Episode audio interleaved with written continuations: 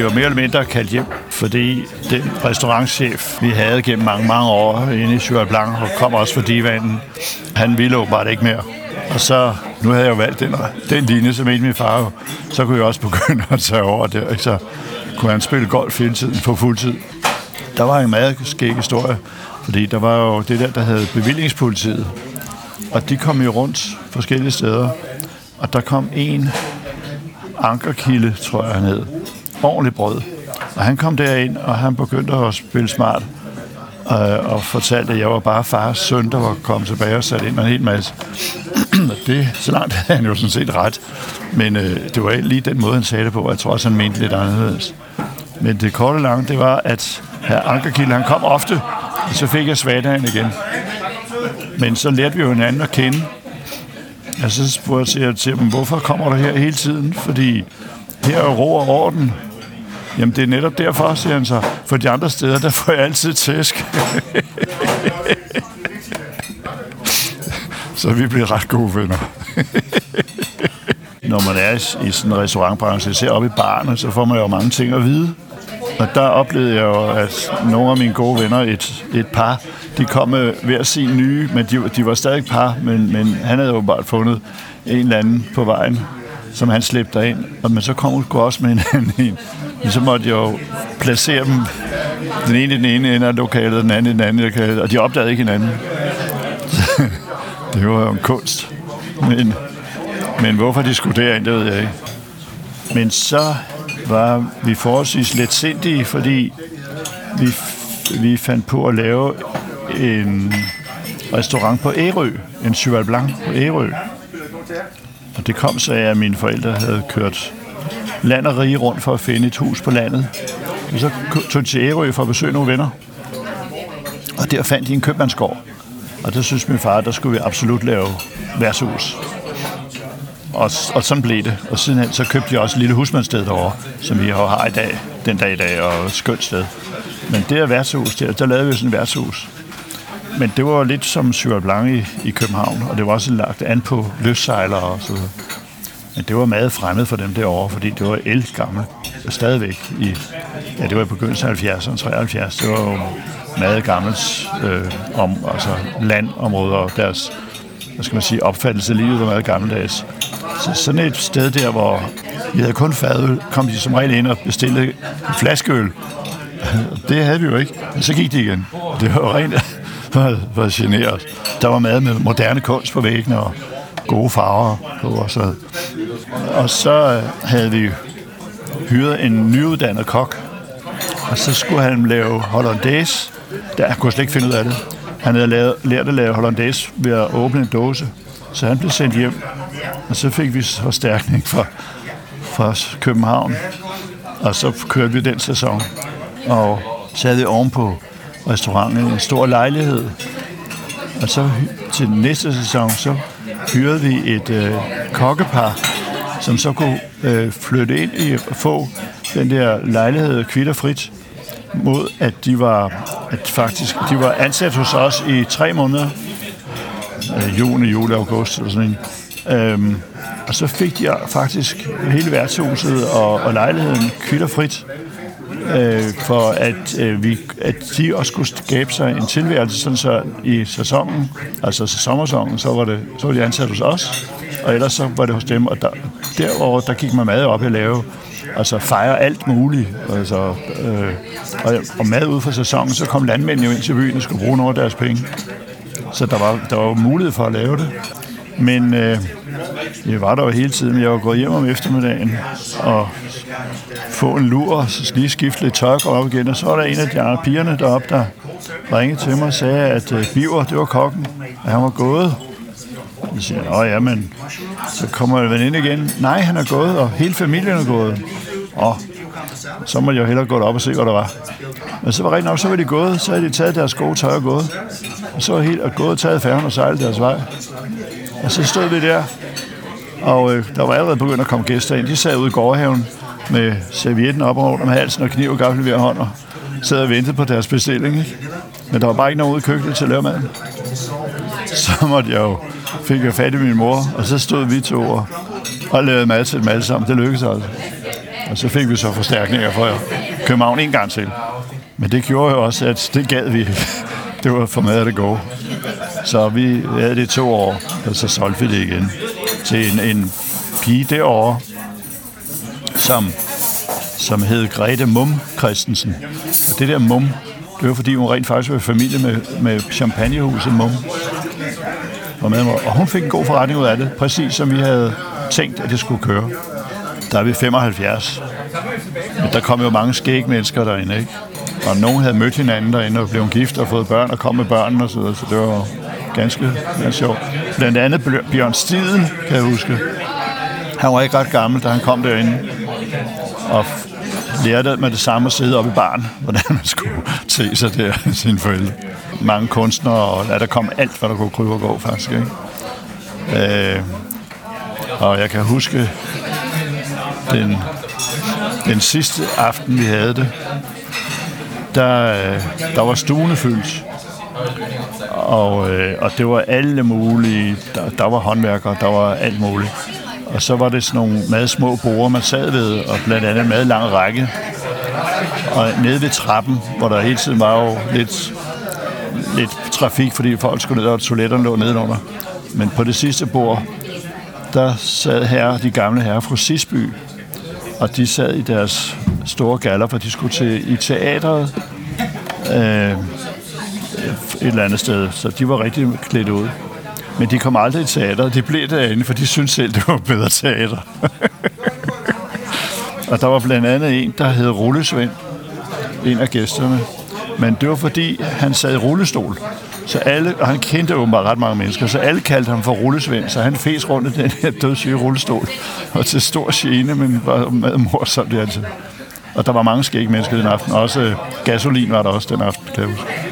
Og de, de kendte jo, mange kendte jo hinanden, ikke? og der var mange fra film, filmbranchen og skuespillere og så videre. Så det var ret morsomt. Musikere, der, der var ja, alt skæg, meget skæg. Det er svært inden for den branche, fordi for der er kun én værtshusholder. Og det var min far, selvom han ikke var der. Og så var jeg 17. Det var jo ikke sjovt. Øh, men jeg gjorde mit bedste. Jamen altså, vi var, vi var jo to, to familier, der skulle leve af det. Øh, og øh, den ene var mere passiv end den anden. Eller den ene var aktiv, den anden var passiv måske snarere. At det var det, på, langs, på lang bane, så var det jo noget juks. Altså. Så, så, så vi valgte at sælge det. Den 28. oktober 83. Så skulle jeg jo stå på egne ben. Og så satte jeg en annonce i børsen og fortalte om mine fortrædeligheder. Og det var der en, der reflekterede på. Og øh, han øh, havde en stor automatfabrik. Og så havde han set det der kantinemarked, det havde han set i USA. De, var jo, de havde jo afdelinger øh, mange steder, blandt andet også i USA. Og på en af rejserne, der havde han jo set, når han ude besøge kunderne, at de havde jo også kantiner. Og så fik han altså den der idé der med, at han ville lave kantiner i København. Den sådan mere generelt kantinedrift, for det er en fremmed operatør, der driver det. Det startede i 75, hvor ISS startede op med øret vores, en, en af vores køkkenchefer inden for Sjøer Blanc, for det skulle løn. Og dengang kunne jeg ikke forstå, hvad han ville i kantinebranchen. Og så startede vi det, der hed Wittenborg Personalrestaurant. Startede vi. Det var i 84, 1. maj 84. Øh, jeg synes jo, det kunne være, for det første skulle have noget at leve af. Men, men også, at det kunne være sjovt at lave noget, hvor man øh, bringer restaurantbranchen ind i kantinerne. Det var sådan set det første. Og det gik jo bedre og bedre. Efterhånden som det, vi udviklede det, og vi udviklede det, og det brugte jeg temmelig mange penge på at udvikle det. Derfor var overskuddet ikke så stort. men, men, men resultatet blev godt.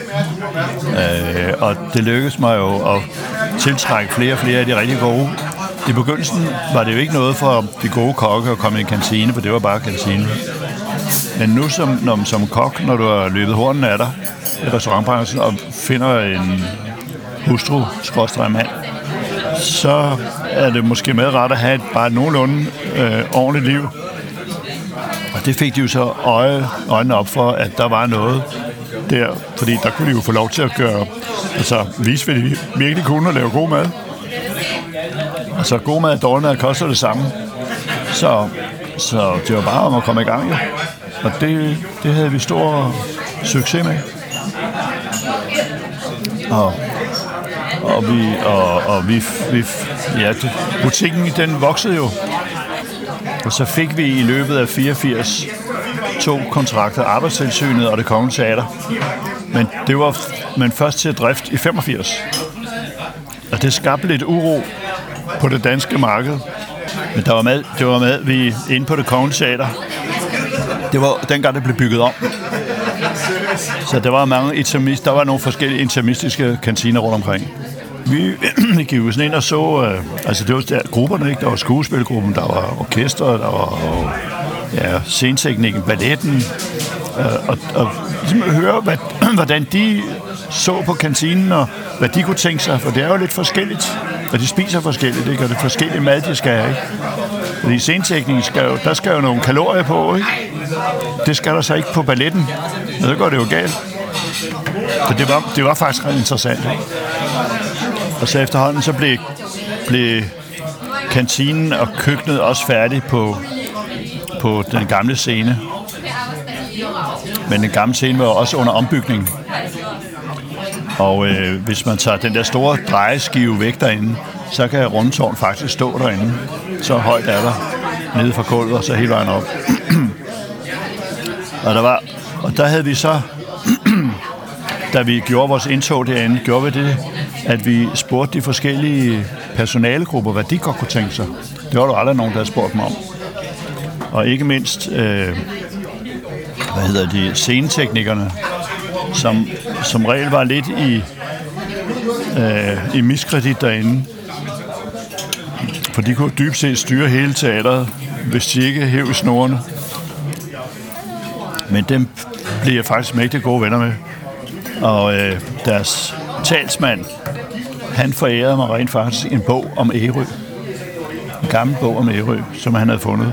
Jeg kan ikke huske, men han havde jo fundet ud af, at jeg, vi havde måske snakket om det med Ærø, så kom han med den. Men vi var på mægtig god talefod, og det var et, et pragtfuldt sted i, i det kongelige teater. og de gjorde så, at vi kunne komme ind og se...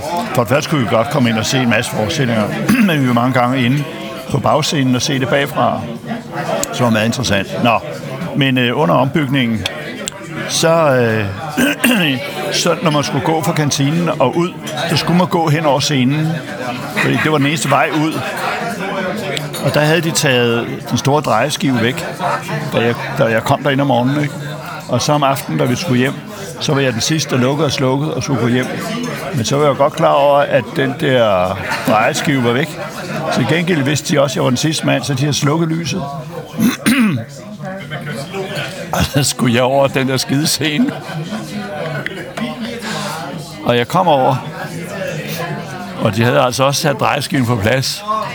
Men de skreg af grin, da jeg kom kravlende op på scenen og tændte det skulle lyse til sidst. Og der lød en høj latter inde på det kongelige teater. Jamen altså, tidligere var det jo var det ufaglærte, der, der var i kantinerne. Der var ikke den store fantasi og kogekunst. Men så startede vi op, og, og jeg vidste jo ikke noget om kantiner. Så jeg hyrede jo dem, jeg kendte fra restaurantbranchen. Så vi ændrede det jo ret meget, det blev noget, noget andet mad øh, meget mere up-to-date, altså det blev sådan lidt mere, skal vi sige, fransk køkken, jeg ved det ikke, men altså mere internationalt køkken, vil jeg sige. Så vi, vi havde faktisk meget god vind i sejlene. På, på arbejdstilsynet, der, det var faldt sammen med, at en af vores børn startede i skolen, og i hendes klasse, der var en mor, der var ansat i arbejdstilsynet. Og vi gik meget godt i spænd sammen. Så ja, så, ja, det er jo lidt med forbindelser. Og så, ja, så, så fik vi den kontrakt. Altså, altså, så lige til det heller ikke, men altså, der blev set med milde øjne på os. Og det var den første kontrakt. Så, så bød vi på det kongelige teater. Og den fik vi altså også. Men der kendte jeg også nogen. Øh, det er jo sådan en statsinstitution, det begge to. Men øh, der havde været, der kommer man ind, ligesom og kommer et tilbud, og så skal man ligesom ind og forsvare det en dag, ikke? og vi kommer videre fundet ud af, at vi skulle have et eller andet med til dem. Så vi lavet sådan en, i sådan en stor paprulle, havde vi lavet en, fundet en eller anden flaske vin, og lavet en eller anden gimmick med det, som vi havde taget med i den der rulle, som man ikke kunne se, hvad var. Og så havde, øh, havde SAS servicepartner, eller hvad det hedder, de havde været inden før os. Det var konkurrenten. Og øh, de havde så haft en kage med. Når de havde været inde dagen i forvejen, tror jeg nok, sådan, sådan var det. Og så en af dem, der havde været med til at skulle udvælge, havde jo taget den her kage med hjem og spist den. Og da vi så er der, så kommer der en ind, og så siger hun, ja, det, der står en herude fra SAS Servicepartner. De vil gerne have fadet med tilbage fra kagen.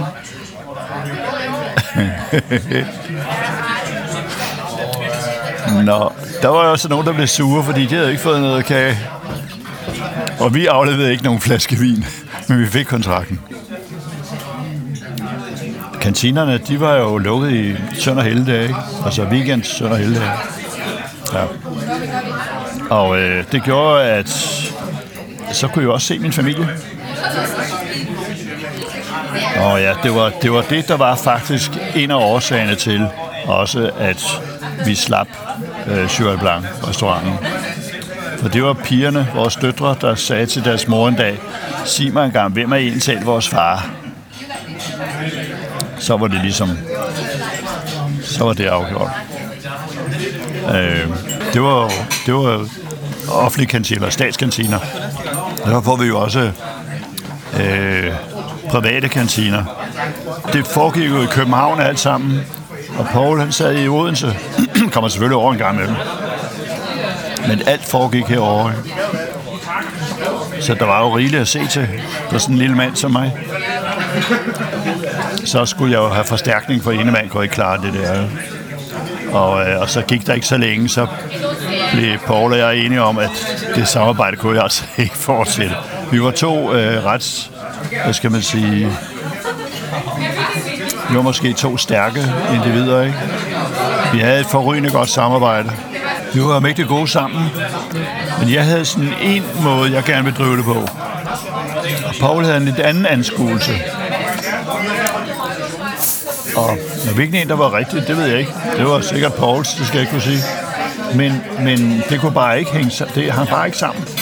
Nå, men det går langt. Vi, vores veje skiltes jo på et tidspunkt.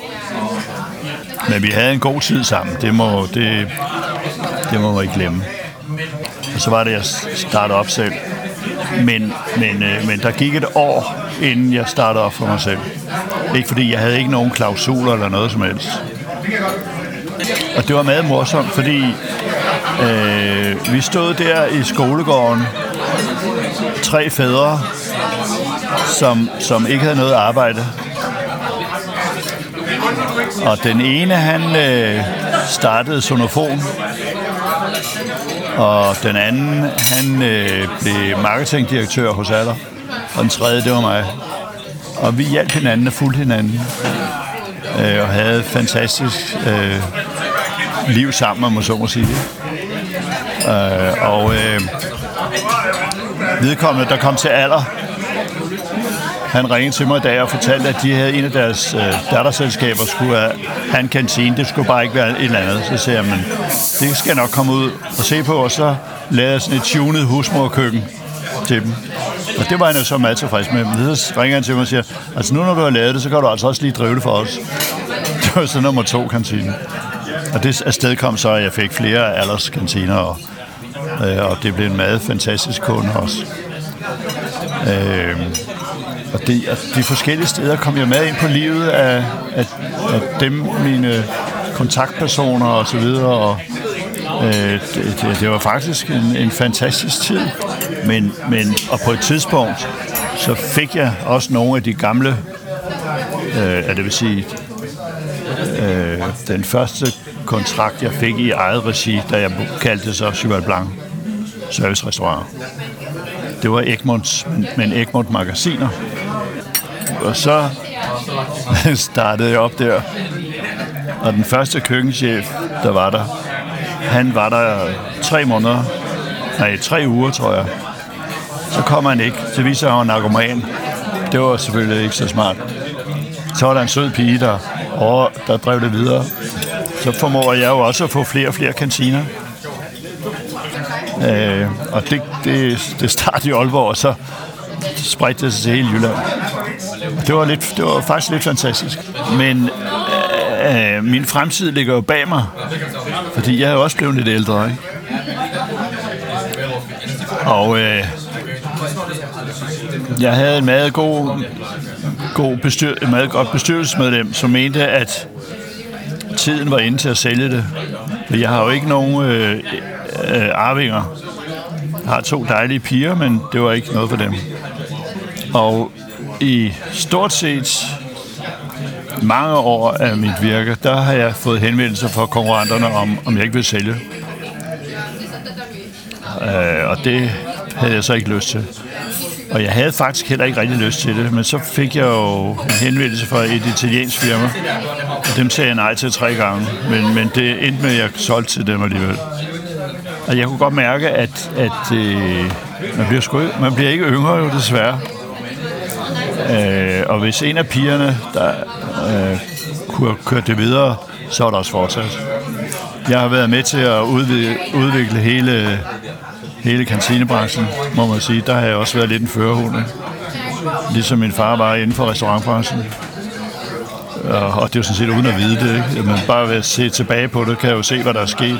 Jeg tror, det er en god, jeg tror, det er en god måde at slutte på. Øh, og da jeg solgte det, så blev jeg jo i firmaet i to år efter og trappe ned stille og roligt. Det var en fantastisk måde at trappe ned på. Og det er jeg glad for, at, at de gerne vil have det. Jeg er jo nok overordnet glad for, at det lykkedes. Altså, min idé lykkedes. For jeg havde jo en måde, jeg ville drive det på, som jeg ikke rigtig ser hos de andre. Og det lykkedes. Ja, min far havde set sin far slide sig ihjel. Og min bedstfar, som sagt, han var ikke så gammel, da han døde. Og det ville min far ikke. Så han stoppede jo dybest set med at lave noget, der var 50. Han har jo haft et, et fantastisk liv. Og han sluttede sit liv på et plejehjem. Og der blev han jo også ved... Der, han, blev, han ville ikke spise med alle de gamle. Det er Han var ældre end alt, alt sammen. Men, men mange, flere af, af plejepersonalet dernede, de kom altid op hos ham om aftenen, og der var ligesom faldet ro over gemytterne, fordi han kunne fortælle så mange ting om sit fantastiske liv. Så der var altid fuld gang i den.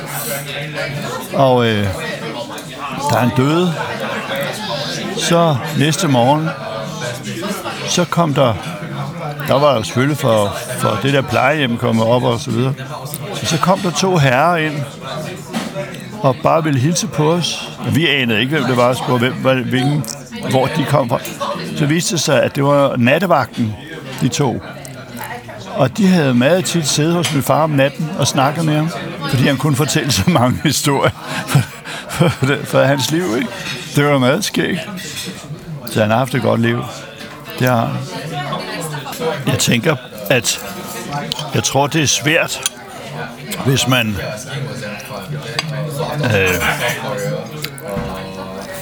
har et eller andet ønske om, at man vil være sådan og sådan og sådan og sådan.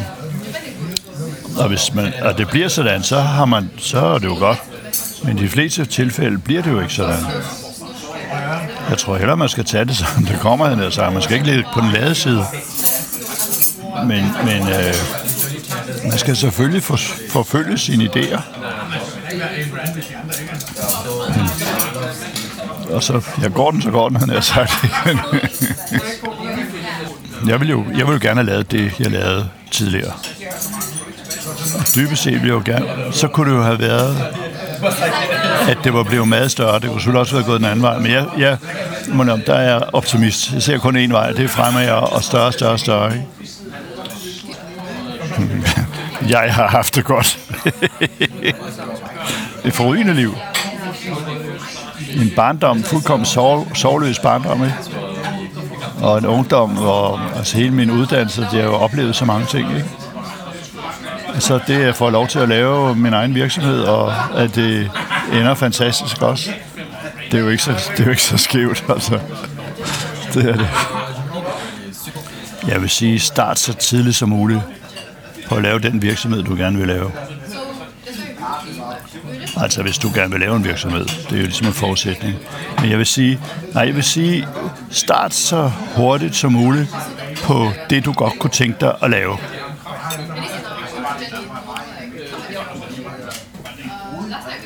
Det, det er mit råd til nogen, der går og har noget.